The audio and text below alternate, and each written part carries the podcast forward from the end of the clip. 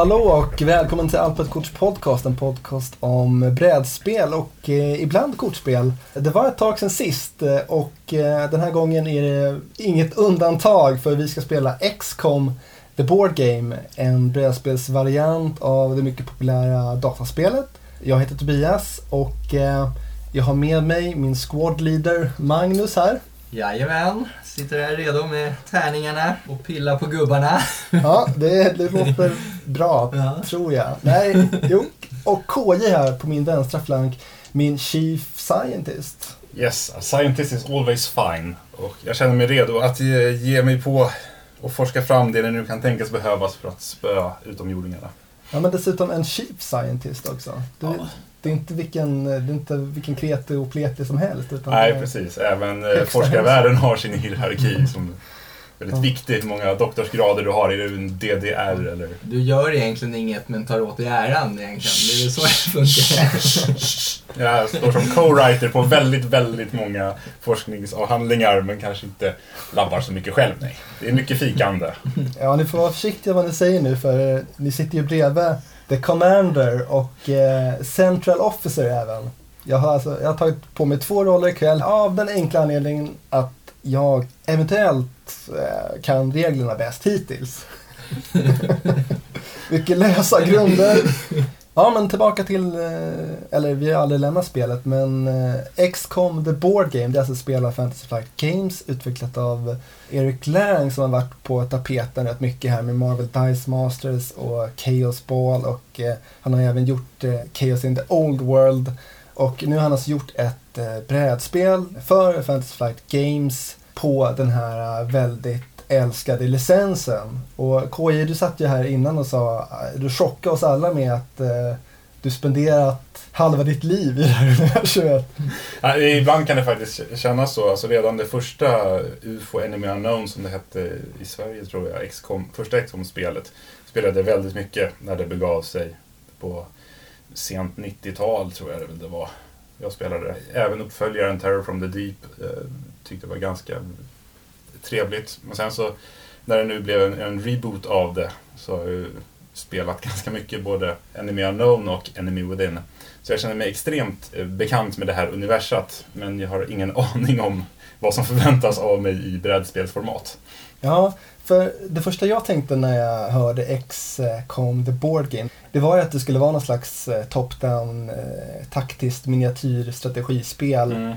Eh, Ungefär som dataspelet. Men här är vi ju, det är inte alls så, utan vi är på högkvarteret kan man säga och eh, styr allting från eh, ovan på något sätt med lite damage control och utveckla saker för att hindra ufos och grejer för att komma till planeten. Jag tycker det gör det lite extra spännande faktiskt. Att det inte är en Descent eller Imperial Assault-klon sådär. Utan att de verkligen valde att göra det utifrån det stora strategiska perspektivet. Ja. Ja. XCOM har ju alltid varit det här, det är, det är egentligen två spel i ett. Dels har du den taktiska biten, där man sitter och pillar och forskar fram saker och handlar och skickar upp satelliter. Och sen när det blir en kris, då går du ner och, och slåss och det, där spenderar du egentligen mest tid. Och då, jag, precis som du sa, jag förväntar mig också att det var den här stridsdelen, flytta runt gubbar och Mm. Sånt. Men då är hela den biten i princip avskalad. Den är jävligt avskalad. Ja. Nu vet vi ju inte hur det här spelas men Nej. det vore ju intressant framöver om det kom en expansion och man får båda spelen. Ja. Både det stora och sen gå ner på det taktiska perspektivet. Herregud vilken spellängd vi pratar Ja, om då. Ja. Magnus, vad är ditt förhållande till XCOM? Är du, också, är du lika nere som KJ? Eh, jag vet inte om jag har varit lika nere som KJ men det är helt klart en av favoritspelen. Även jag eh, höll på med originalet och det var en klassisk eh, del det här att få slut på ammunition precis när man behövde det. För då, Mm. då hade man clips och när det var slut så var det slut. Eller när något eh, stolpskott i en squad kastade en granat fel så den studsade tillbaks och Ja. sånt där. Ja, det var ett riktigt trevligt spel och jag har spelat ganska så mycket. Och jag har även eh, kört rebooten. Som jag däremot tyckte var lite, lite för översimpel.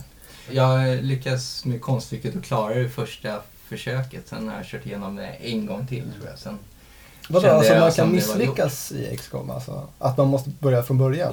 Eller? Ja, alltså om hela världen får panik till exempel eller man får slut på baser eller kan man Mm. bli invaderad i nya? Ja, Ja, det jo, det kan kan man. Mm. I alla fall eh, ex expansionen. Så är det väldigt mycket sånt. Ja. Jobbiga delar. Så det är helt liksom kört, helt becksvart. Man får börja om efter Jo. 100 timmar. Ja. Man kan ju gå tillbaks till en tidigare save, men Ja, hur kul är det? Om man inte kör i Iron Man mode. Ja, nej, men jag, jag håller med om att den, den nya varianten är, är lite väl streamlinad på sina, på sina håll. Det är den, men det är väl så spel ser ut nu för tiden tyvärr. Det är vi som är gamla och gubbiga. Ja, precis. så, så är det nog. Passera 30 strecket så är Ja, då är det kört. Då är det kört. Det går för snabbt. Det, är inte svårt nog. det är tråkigt att säga att det går för snabbt när det är turn-based. Då, då är det illa. Och det är lite intressant också för det här är ju, eh, på sätt och vis är det turn-based men det innehåller en realtidsfas som går på tid där man ska göra saker. Och eh, det som kanske har varit allra mest omtalat med det här spelet det är väl att det kräver en app för att fungera på ungefär samma sätt som eh, Alchemist gör. Fast det här går inte att spela. Du måste ha någon slags eh, Digital Companion kallar de det. För det finns i, i webbläsare, det finns på Android, det finns på eh, iOS och alla digitala former som finns. Typ. Men du behöver det för att kunna spela det. För att eh, all, den håller reda på alla faser och slumpar och, grejer och sånt där. Så det är någonting helt nytt egentligen. Så det skulle bli rätt spännande att testa. Vad har ni för tankar om det? Alltså det är ju väldigt praktiskt när, som du säger, att man får den här slumpmässighetsgrejen. Att frågan kan välja för att randomisera, är det ett ord ens? Att göra det slumpmässigt, alla förutsättningar, så att det inte är samma spel du spelar varje gång och inte behöver ha 30 000 kort eller brickor som du blandar på olika sätt och lägger upp på olika sätt för att göra spelet annorlunda. Mm. Det kan ju ses som ett plus, men ja, än känns det inte som att vi riktigt är bekväma med, med appar tycker jag. Ja, jag tänker att det är ett steg ytterligare mot den tekniska riktningen om man jämför med Space Alert till exempel där man också måste ha Ja, hjälpmedel fast eh, CD-skiva eller en, några MP3-spår för att spela det. Ja, visst. Men det känns som en vidareutveckling på hela den, det konceptet. Precis. Fördelen med en app eh, lär ju kunna vara att det blir helt random då. Ja. Att eh, alltså värdet att spela om spelet lär ju öka drastiskt genom att förhoppningsvis gör ju appen att det blir annorlunda varje gång. Mm. Jag läste någonstans, eller hörde var att det skulle vara fem attackplaner den valde i början. Att utomjordingen kan, kan ha fem grundplaner att attackera med. Jag vet inte om det är sant eller om det är så. Mhm, Så okej. att från början så kan de agera på då, fem olika sätt. Jaha, övergripande. Den inte övergripande- det första steget. Nej, utan den övergripande planen. Hur ska vi göra? Vi ska terrorisera, vi ska attackera deras bas, vi ska invadera Alltså, ha lite olika, det är, det är olika högsta höns för utomjordingarna då. Ja. Så att säga. det är Som har lite olika teorier. Ja. Jag vet inte om det är som det fungerar, men det låter ju som en, en intressant grund. Ja, visst. Och jag tänker också, just för det här spelet, Exxon, det känns på något sätt, eh, det känns lite passande ändå att man, man håller i en iPad liksom. Det känns lite högteknologiskt, man är på, Ja. går omkring på någon bas och känner sig lite lost liksom och försöker koordinera allting. Och, och någonting som verkar lovande med det är ju att det bara krävs en iPad eller, eller mobiltelefon. Visst är det så att det är bara en av rollerna som kollar i själva appen? Ja, jag tror Ja. det. Vi har ju inte spelat det här faktiskt. Så vi. Det här, tror inte på något vi säger. Eller tror på, det här är bara vad vi, vad vi tror liksom och vad vi vet hittills. Men, men vad jag förstått så är det, det är en som har hand om appen. eh, Men de andra, de tittar också på hur mycket tid de har kvar och sådär på att Ja. göra saker och sånt. Men vi, vi får se. Ja. Alltså. Ja, nej men Space Alert, det- det känns ju som att det här spelet kanske är mest besläktat med det och kanske Space Cadets och, och den typen av eh, realtidsrymdspel. Mm. finns det, så, det finns nästan en sån genre. Det är väl det att du, du har panik spel- under några få sekunder och gör några dumma orders och sen ser du hur sjutton gick det egentligen. Ja. Och som vi berättade i början av spelet så har vi alltså, eh, det finns fyra olika roller i det här spelet. Och eh, ska vi kolla lite på dem? Central Officer, det är alltså personen som sköter appen. Och eh, han ser också till att eh, spåna ufon på kartan. och eh, ansvarar för satelliter som man sätter ut för att liksom kunna känna av eh, att det nalkas ufo-attacker så att man kan avvärja det i tid. Och eh, har hand om eh, den här threat-mätaren så är jag också commander då, och commanden har hand om, det här tycker jag låter väldigt intressant, har hand om liksom budgeten för hela det här projektet. Ekonom bara.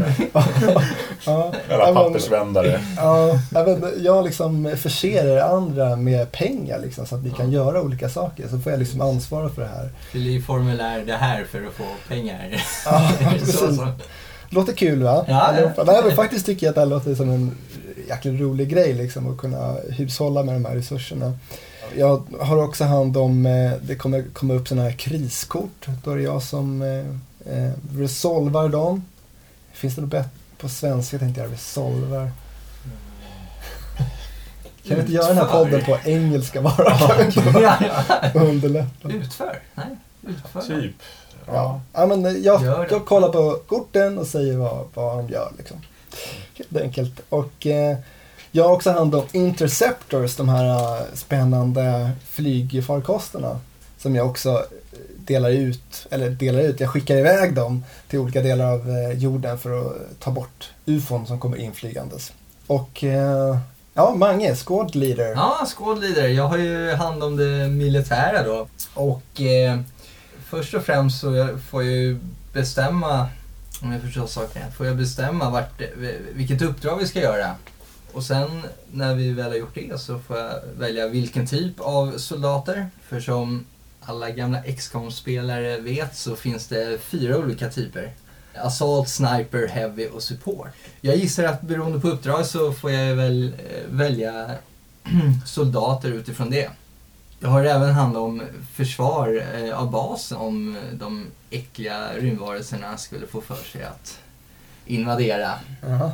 Ja, sen får jag också, visst är det så att om du KI i egenskap av scientist forskar fram något kul så får jag även sätta dem på mina eh, soldater. Till exempel lite nya västar eller vapen eller så. Ja, precis. Det är uppgraderingar och sånt som jag lyckas forska fram. Det yeah.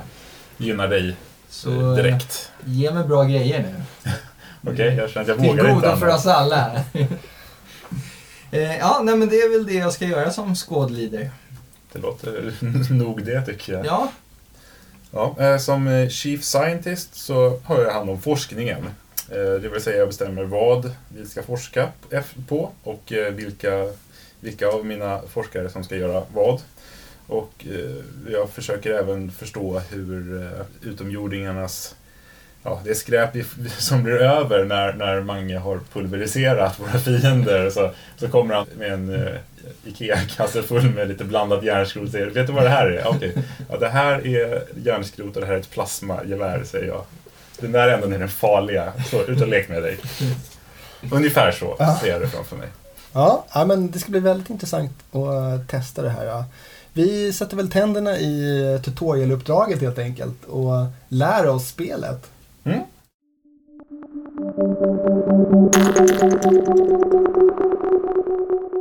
Då har vi återvänt här efter våra två första ganska staplande rundor. Ekonomiskt mm. förfall, ufo-hot.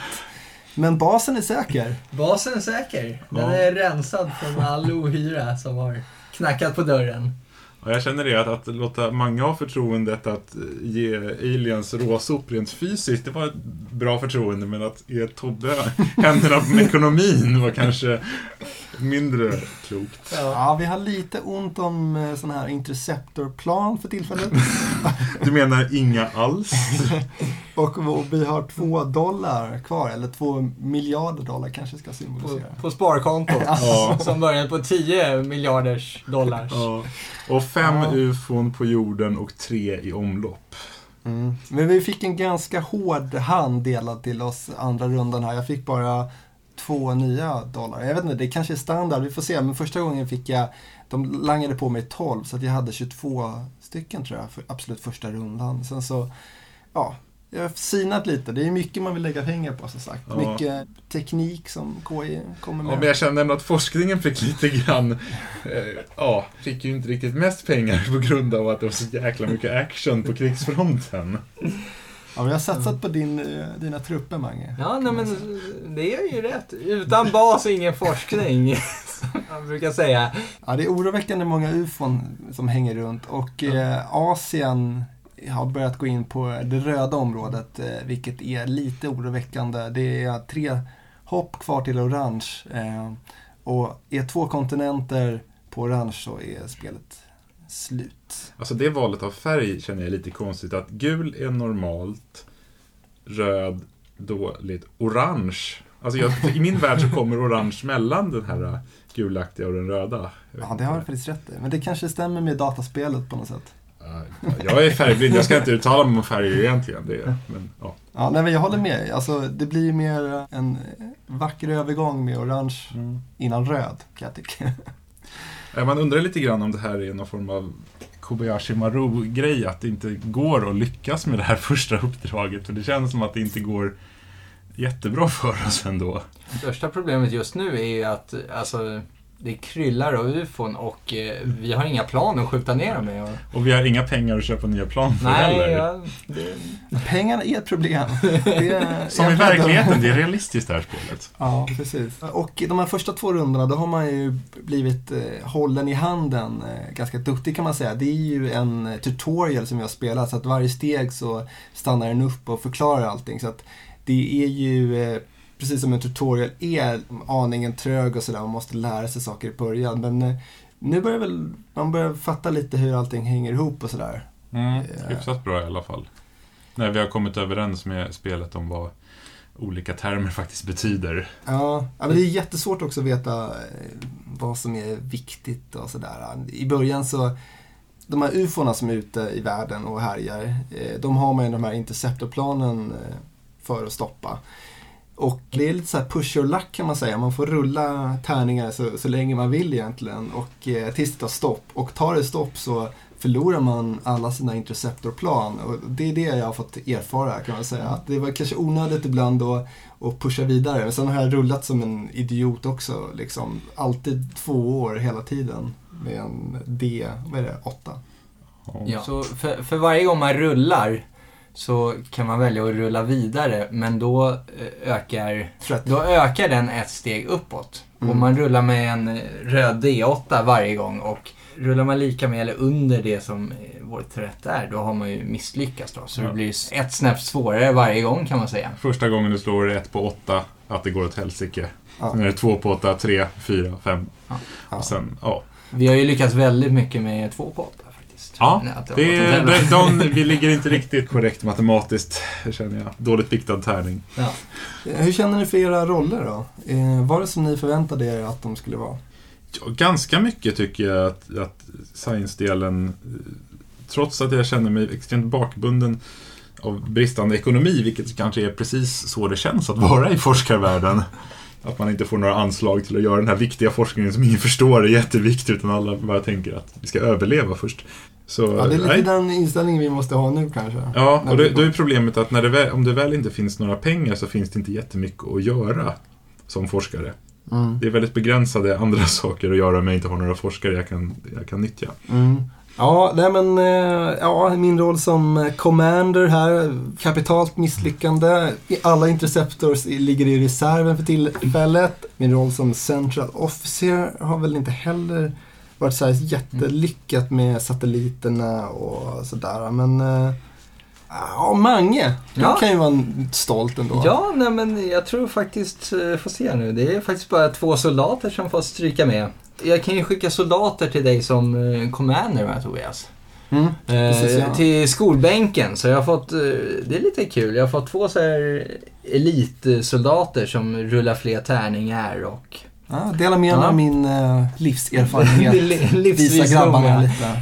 Ja, och varje soldattyp är ju bra på olika saker och det ska man försöka para ihop med de eh, uppdrag och fiender som finns. Så det, det är lite kul och varje del har ju en sån här superspecialitet så parar man ihop det så får man extra tärningar också. Så det är, ja, men det är lite symbolpussel.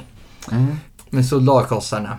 Ja, och ändå Så lite eh, tärningsrullande. För det är Ja. ju samma, för alla moment egentligen så är det samma system med att rulla tärningar och med den här tröttnivån som Ja. hela tiden ökas. Och jag tycker det, hela den delen funkar väldigt bra.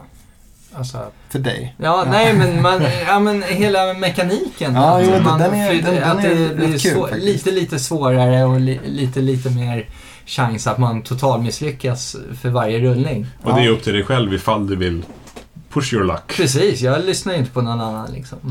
Nej. Nej men alltså rent eh, teoretiskt så kan man ju med en enda gubbe klara av hur mycket som helst. Ett enda flygplan. Om man Ja. rullar rätt. Ja. Men då ska den ha Rambo-tur också. Då ska man ha otrolig tur alltså. Mm. Men Ja. teoretiskt sett går det. Och teoretiskt sett går det också att misslyckas med den perfekta mega-mördar-skåden. Och alla blir totalmanglade på första försöket. Ja. Så att allt är möjligt. Ja.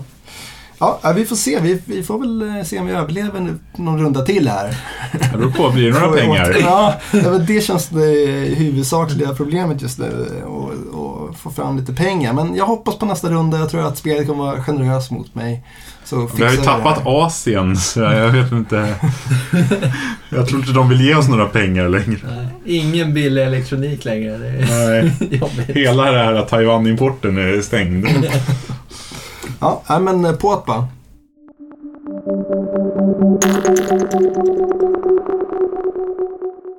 Ja, det här är er Central Officer speaking.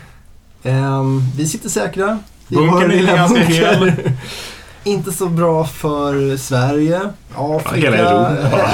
Nordamerika. Ja, mm, Halva världen ungefär.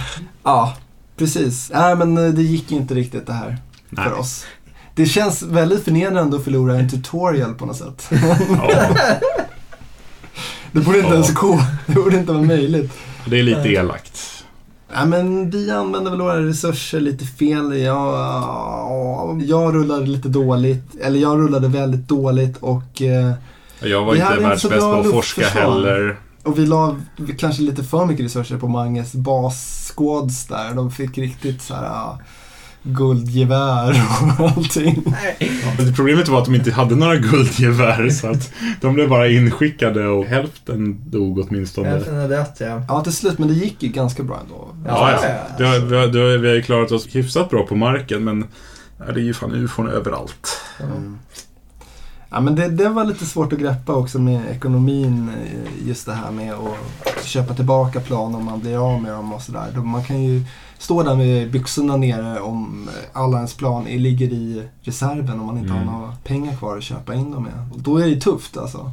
Ja.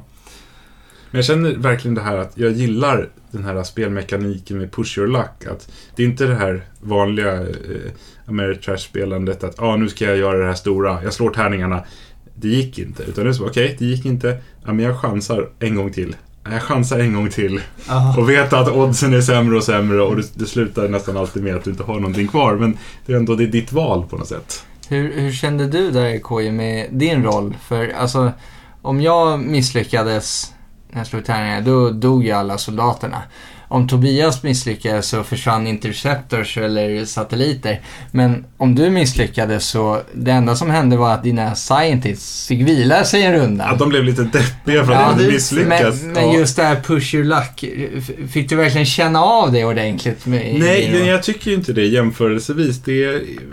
Nej, jag, kan, jag hade inte velat döda av mina forskare, men det kändes lite för lätt. För jag hade ju liksom alltid en reserv på många forskare. Nu hade jag inte lyckats forska fram så mycket bra saker åt mig själv som jag kunde använda dem på heller.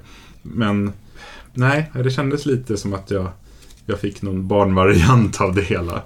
Du rullade ju också, mot slutet där, då, då var det nästan max en forskare till varje kort som du assignade liksom. Så att det var ändå, du vågade och rullade bra för att få det Ja. att funka. Men det, det var väl det jag insåg någonstans halvvägs att det var den bästa strategin just för att jag inte hade så mycket att förlora. Ja. Så det borde jag ha gått ut hårdare på det redan från början. Det är ju som med många spel att man lär sig väldigt mycket den första omgången och skulle satsa lite annorlunda. Mm. Till exempel lagt mer energi på att forska fram bra interceptorgrejer så vi kan skydda våra himlar. det var tufft där ett tag med Interceptors. Eh, det ställde till det ordentligt för oss. Eh. Ja, men jag tyckte det var fascinerande hur alla de här delarna hänger ihop.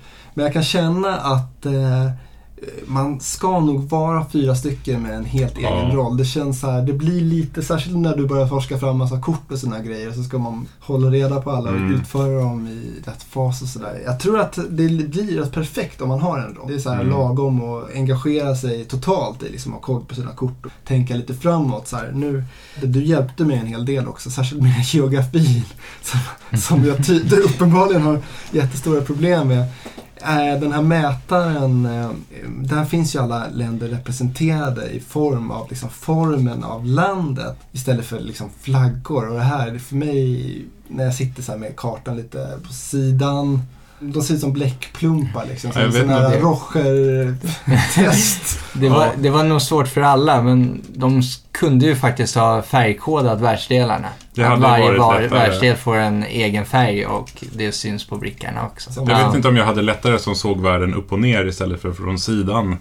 Då är det lite lättare att känna igen dem, tror jag i alla fall. Ja. Men jag chockade mig själv mest med att vara skarpast på geografi. Men jag tror nog att det var att jag såg kartan åt rätt håll.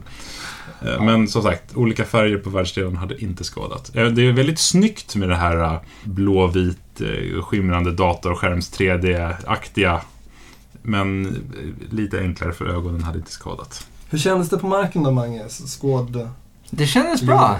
Jag tror det blir ännu roligare när man får eh, äkta så här tidspress. För då får man verkligen klura det här. Vilka soldater man ska skicka in till vilka fiender och känna den här pressen att ja, shit vad ska jag göra? Nu måste det gå fort och så. Men det var ju lite samma där som med dina interceptors. Att eh, det kan ju vara smart att inte skicka in allt man har. För ett felslag så är, Så ligger de där i... ligger de där i köttslamsor och Bättre att skicka Och in ber- en Rambo och ber om chansa. nåd. Ja, en, en Rambo och låta han Ja, för du hade ju lite extra push och luck kan man säga. Du gick från fiende till fiende och den här uh, threat-mätaren då som hela tiden eh, försvårar oddsen.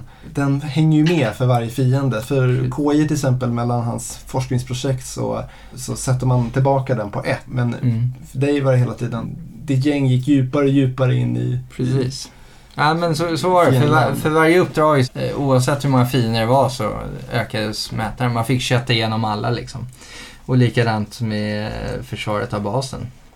Jag vet inte om jag borde ha eh, satsat mer på att göra uppdrag än att behålla vår bas i nyskick. Det kanske hade gått bättre. För alltså uppdragen har ju det hjälper ju till med att de reducerar paniken i världen och man får extra interceptors och så när man klarar dem. Pengar här ser jag också. Nya soldater och man förstör ufon eh, gratis och sådär. Så, eh, Det låter det, fantastiskt. ja, nej, men det kanske hade varit bättre att gå lite hårdare ut på eh, uppdragen. Jag kände ju att den anledningen till varför det gick bra för mig mot slutet var ju det att du försedde mig konstant med, med färska lik som, som jag kunde använda som bonusgrejer för extra tärningar och få extra pengar och sånt där. Så att Ja. Ja. jag var ju väldigt beroende av, av ditt Ja. arbete. Ja, men jag gillar det hur rollerna går in i varandra lite sådär. Att Manges lik skickar han till obducenten KJ som liksom gör sjuka experiment och kan gå vidare i sin forskning. och man kan också använda varandras förmågor eh, för varandra. Sådär. Rulla Mm. om den här röda hottärningen och Den förhatliga tärningen. Ja, och du uppgraderar oss alla KI liksom, Mm. med dina forskningsprojekt. Men jag känner verkligen det att det här spelet kräver mycket kunskap för att vara färre än fyra spelare. Och vara riktigt bra. Ja, alltså det står ju att man kan spela ensam, men det Ja. vore ju Med tidspress då ska man vara expert på spelet. Och jag tänkte med två spelare då ska man också kunna det ganska bra. För Ja. att kunna ha två roller var. Ja. Så att för fyra, helt klart bäst. Mm, ja, absolut. Framförallt de första fyra, fem, sex gångerna du spelar det. Ja. ja, men det- det känns lagom med en roll. Mm. Sådär. Risk för att man kanske får lite tråkigt någon gång ibland, men det kan vara skönt att, att få andas lite grann också. Om jag drar kort i början så har jag på mig två turer innan jag ska bestämma mig för någonting att forska på och sådär. Ja, Mm. stress överallt. Det är klart man kan helt följa sin egen, men, men det är också en hel del grejer som påverkar vad man kanske ska forska och vad du Mm, behöver få fram mm. och sådär som händer runt omkring. Och det tyckte jag vi blev lite samspelta på slutet lite sådär. Mm. Du kunde sänka lite threat-nivåer när jag körde ihop det med mina interceptet. Men eh, hur känns det här troget XCOM, KI eh, och Mange? Får ni vibbar av eh, dataspelet? Ja, sen får ju vibbar av att, det, att man känner igen alla enheter och grafiken, alla bilder är ju tagna direkt från spelet. Framförallt på forskningssidan och även fiender och vad, allting känns ju igen. Men det känns ju som en, alltså det är ju inte helt XCOM tycker jag det här. Det här är någon, det är en variant av det. Det är XCOMs lilla syskon eller någonting sånt. Ja. Någon Ja. kusin eller jag vet inte. Det är inte... XCOMs stressiga lillebror. Ja, precis, det är någon bokstavskombination där. Och, ja, ja, det är ju precis. XCOM är ju ett väldigt lugnt, eh, turordningsbaserat spel. Du har tid att tänka, den pausar hela tiden. Här, här är det inget pausa hela tiden. Ja. Tvärtom. Om jag tänker ur min rolls synvinkel. En sak som jag verkligen älskar med XCOM på dator är den här möjligheten att skapa liksom personliga karaktärer. Att eh, det gör ont i själen att förlora en soldat som har varit med ända från början. Liksom. Mm. Och här eh, får man inte den känslan. Det är lite mer no-name-soldater som man skickar till döden. Liksom. Rödskjorta nummer tre Ja, vi nej in. men det är lite så. Nej, Du men, får ju eh, namnge dem och sådär. Ja, nej, men det, det kanske man skulle göra. Ja, behöver måla, minifigurerna. ha lite färgpennor och ge- döpa dem. Men, Det här är men, nej, men eh, just den delen i datorspelet eh, Mm. gör mycket för XCOM-känslan för mig och eh, det missar de lite. Men det kanske kommer expansion, att eh, man får lite så här specialhjältar eh, hjältar eller nå, Mm. något sånt liksom. finns ju möjligheter. Mm. Men de vill väl hålla det lite cleant också sådär, antar jag. Det är nog med saker ja. som det är kan Ja, jag jo. tycka. Men det vore ju absolut kul. Jag vet inte exakt hur det är upplagt. Det finns ju olika scenarier som man kan välja att spela. Eh, som man också knappar in i eh, appen, vilket man väljer. Men det vore ju kul, som ni säger, att kanske ha någonting eh, lite mera som en följetong, scenariobaserat, eh, nästan en kampanj sådär. Det Mm. vore ju Ja. kul. Där man kanske får behålla lite tekniker och grejer mellan omgångarna. Och Ja. Lite risk legacy-element implementerat. Men vi- visst är det så att det finns olika rymdvarelser beroende på vilken pa- en kampanj man väljer? Ja, precis. Man, Ja. man plockar ut dem och så, så blandar man leken med, med dem. Så att, Är det, är det även olika forskning och uppdrag och sådant? Eller är det, det är rymdvarelserna som är... det är rymdvarelserna baserat på vilket scenario som du Ja. har valt. Jag tror att det är fem stycken olika scenarier som man kan välja mellan. Jag antar att de är programmerade lite annorlunda också, de Ja, programmen. okej. sådär, så att det är Mm. lite mer tematiskt eh, bundet. Då. Just det, det här var de fem år. Vi, vi spelade Occupation. Mm. Det var det vi Det spelade. lyckades vi med faktiskt. Vi blev, vi ockuperade. blev ockuperade. Det gick bra för dem. Misdirection, Infiltration, Domination och Onslaught finns det. Och en lätt och en svår version av alla. Det är ju tio spelomgångar för att köra igenom baseten, så att säga. Ja, nej, men alltså jag, jag gillar samarbetsspel som är på det här sättet. Jag gillar ju dem nästan bäst när de är lite så här tidsstressande och man försöker samarbeta. Jag tycker ju jättemycket om Space Alert till exempel. Det tycker jag nästan är ett av de, de bästa samarbetsspelen. Även om det är väldigt Ja. hög tröskel att komma in i. Så är det förbannat roligt. det är förbannat roligt att lägga de här korten. Mm. Man får en så här, verkligen känslan av att alla är på samma skepp. Liksom. Man Ja. kan krocka med varandra och köra runt. Det här är ju väldigt annorlunda spel. Men jag tycker samarbetsspel blir liksom som bäst när- när man är lite tidspress och man, man försöker koordinera med varandra. Där alla måste tvingas tänka på olika saker också. Som vi har gjort här. Liksom. Vi har Mm. ganska olika roller ändå. Precis, och tidspressen gör ju att det här problemet med att en spelare styr allt. Ja, det, Som det kan då- bli i Pandemic. Där kan ju en sitta och liksom peka, gör sig, gör så. Ja, ja. Eh, det har man inte tid riktigt med. Nej, verkligen. Sådana människor vill man ju aldrig spela med. Nej. De är för smarta. Men, men det är ett enkelt sätt att komma ifrån det genom att ha den där tidspressen tycker jag. Ja. Nå- någonting jag saknar som jag också såg en, en eh, snabb recension av det här för att ha en aning om vad det var vi skulle spela. Och de nämnde det att de saknade ljudeffekter på samma sätt som ja, alla de spel vi har nämnt som använder appar eller skivor och sånt som säger saker. Medan den här bara visar en bild så att du måste hela tiden glo på skärmen. Du kan inte ta det på ljudeffekter. Det skulle jag gärna ha Ja, precis. att, att appen sa saker istället. Att Threat in Europe and Asia. Mm. Eller någonting. Ja. Ja, nej, men Vad det nu blir. Så att, man inte, så att man inte behöver sitta och glo på den hela tiden. Och så kan man få en nedräkning att ja, när det bara är fem sekunder kvar så är den 5, 4, 3, 2, 1. Ah, panik Ja, men faktiskt. Mm. Och, även för folk som är eh, blinda. Döva, ja. Döva? Nej, tvärtom. Folk som Ja. blinda, måste, det är omöjligt spela. Ja, vi glömmer, Nej, nej, vi glömmer det- bort. Det blir nog inte så Nej, kul det- det är ändå alltså- för dem. Folk som ser dåligt Nej, har fortfarande lite syn kvar. Ja. För dem. För det skulle också hjälpa till med, med atmosfären också. Från just, som alla de spel vi pratar den här hetsen. Att få upp den här hetsen att, Ja. är ju bra.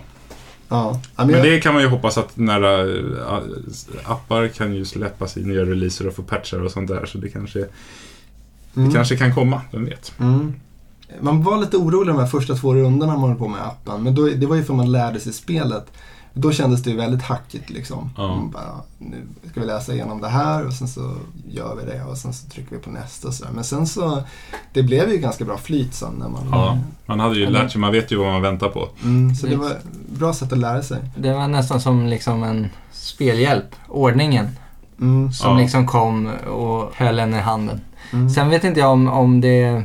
När man väl har lärt sig ordningen väldigt, väldigt bra. När man väl har lärt sig det. Om det blir jobbigt med appen istället. Just för att man måste trycka varje gång. Mm. Att det kommer som ett störningsmoment. Det blir ju lite den här central officern. Den, den rollen är ju ändå ganska light. Det är ju nästan Ja. som att den huvudsakliga poängen är att sköta appen, sätta ut eh, de här ufona och, Mm. och trycka på vidare när alla är klara. Det är det den rollen gör egentligen och sätta ut satelliterna. Så att, Mm. Eh, Lite den tråkigaste, tråkigaste jobbet. ja, det är det nog ja. ja. Men man får känna sig lite in charge sådär. Ja. Liksom, kanske. Ja, det blir lite... Men det kan ju vara bra för den, den som kan spelet och har tre kompisar som ska lära sig. Så Ja. kan det vara bra att ha den rollen, ha koll på allting och kan berätta, ha lite tid över att kunna förklara saker och sånt Mm. I allting. Ja. Och jag blev alltså commander-rollen hade jag ju förhoppningar på det här med budgeten och sådär. Men det var, det var inte lika, jag trodde det skulle vara lite mer så här, här här får du fem miljoner för att forska lite. Mange, mm, drar in du tre, tre kan jag vara. Själv tar jag tolv liksom. Utan det var mer att, eh, ja, i slutet av spelet så ska man pröjsa allting som har hänt. Sådär. Det var inte att man fördelade innan utan det, det kom efteråt liksom. Men, men man måste ju hela tiden hålla reda på, på det där för annars så kan ju de här länderna bli ännu mer pissiga. Mm. Du skulle ju kunna ha varit lite mer av en hard ass också, eh, liksom med, med pengarna. Att KI vill ha fem millar, du, du får två. Ja. Klara dig med det. Ja, det är ska spendera pe- pengarna på det här. Det är så, så kunde man, fan, det är en bra idé. Ja. Ja. Men det fanns ju inte riktigt tid för den, någon form av hård, hård förhandling eller... Nej. Nej, å andra sidan tömde vi sparkontot på första rundan helt. Så, Ja. Ja. Och, och det finns ju liksom inget som hindrar KI heller från att bara sätta ut alla sina. Alltså, Så fuck you, jag ska forska! Hur? precis. Så det, det är tomma hot. Så jag skulle, Ja. jag skulle kunna bränna 9 miljoner varje, varje gång bara för att jag ska Ja. forska och vara säker på att få fram de här sakerna. Ni behöver dem och Och- verkligen sänka hela spelet. Om Tobias inte betalar så förlorar alla. Ja. Ja. Ja, jag undrar om jag kan vägra betala. Det var jätteroligt att spela, spela med en sån här obstinat, hemsk människa som bara... Måste alla spela runt det. Jag tyckte det var tillräckligt svårt. Ja, som det var ja. Ja. Ja, nej men eh, ja, lite intryck eh, av XCOM The Board Game då efter att vi har eh, förnedrats. efter- Förnedrats tycker jag Nej, är nej, hårt. jag tar tillbaka. Vi gjorde vårt bästa, det var inte bra nog. Ja, vi slet vårt hår, det gick inte så superbra här i första tutorial-läget men Vi har lärt oss vi mycket. har lärt oss mycket, Ja. eller hur? På hela världens Ja. bekostnad. Så när väl utomjordingen kommer, då, då vet ni, ni kan lita på oss. Vi, vi har hand om det här. Vi, vi har redan gjort misstagen nu. Vi, vi kan det här. Ja, Det är lugnt. ja men eh, det var XCOM The Board Game. Eh, Vi tackar för att ni lyssnade. Eh, Kom gärna med förslag och synpunkter, åsikter på vad ni vill se i den här podcasten. Ha det bra. Tack, tack.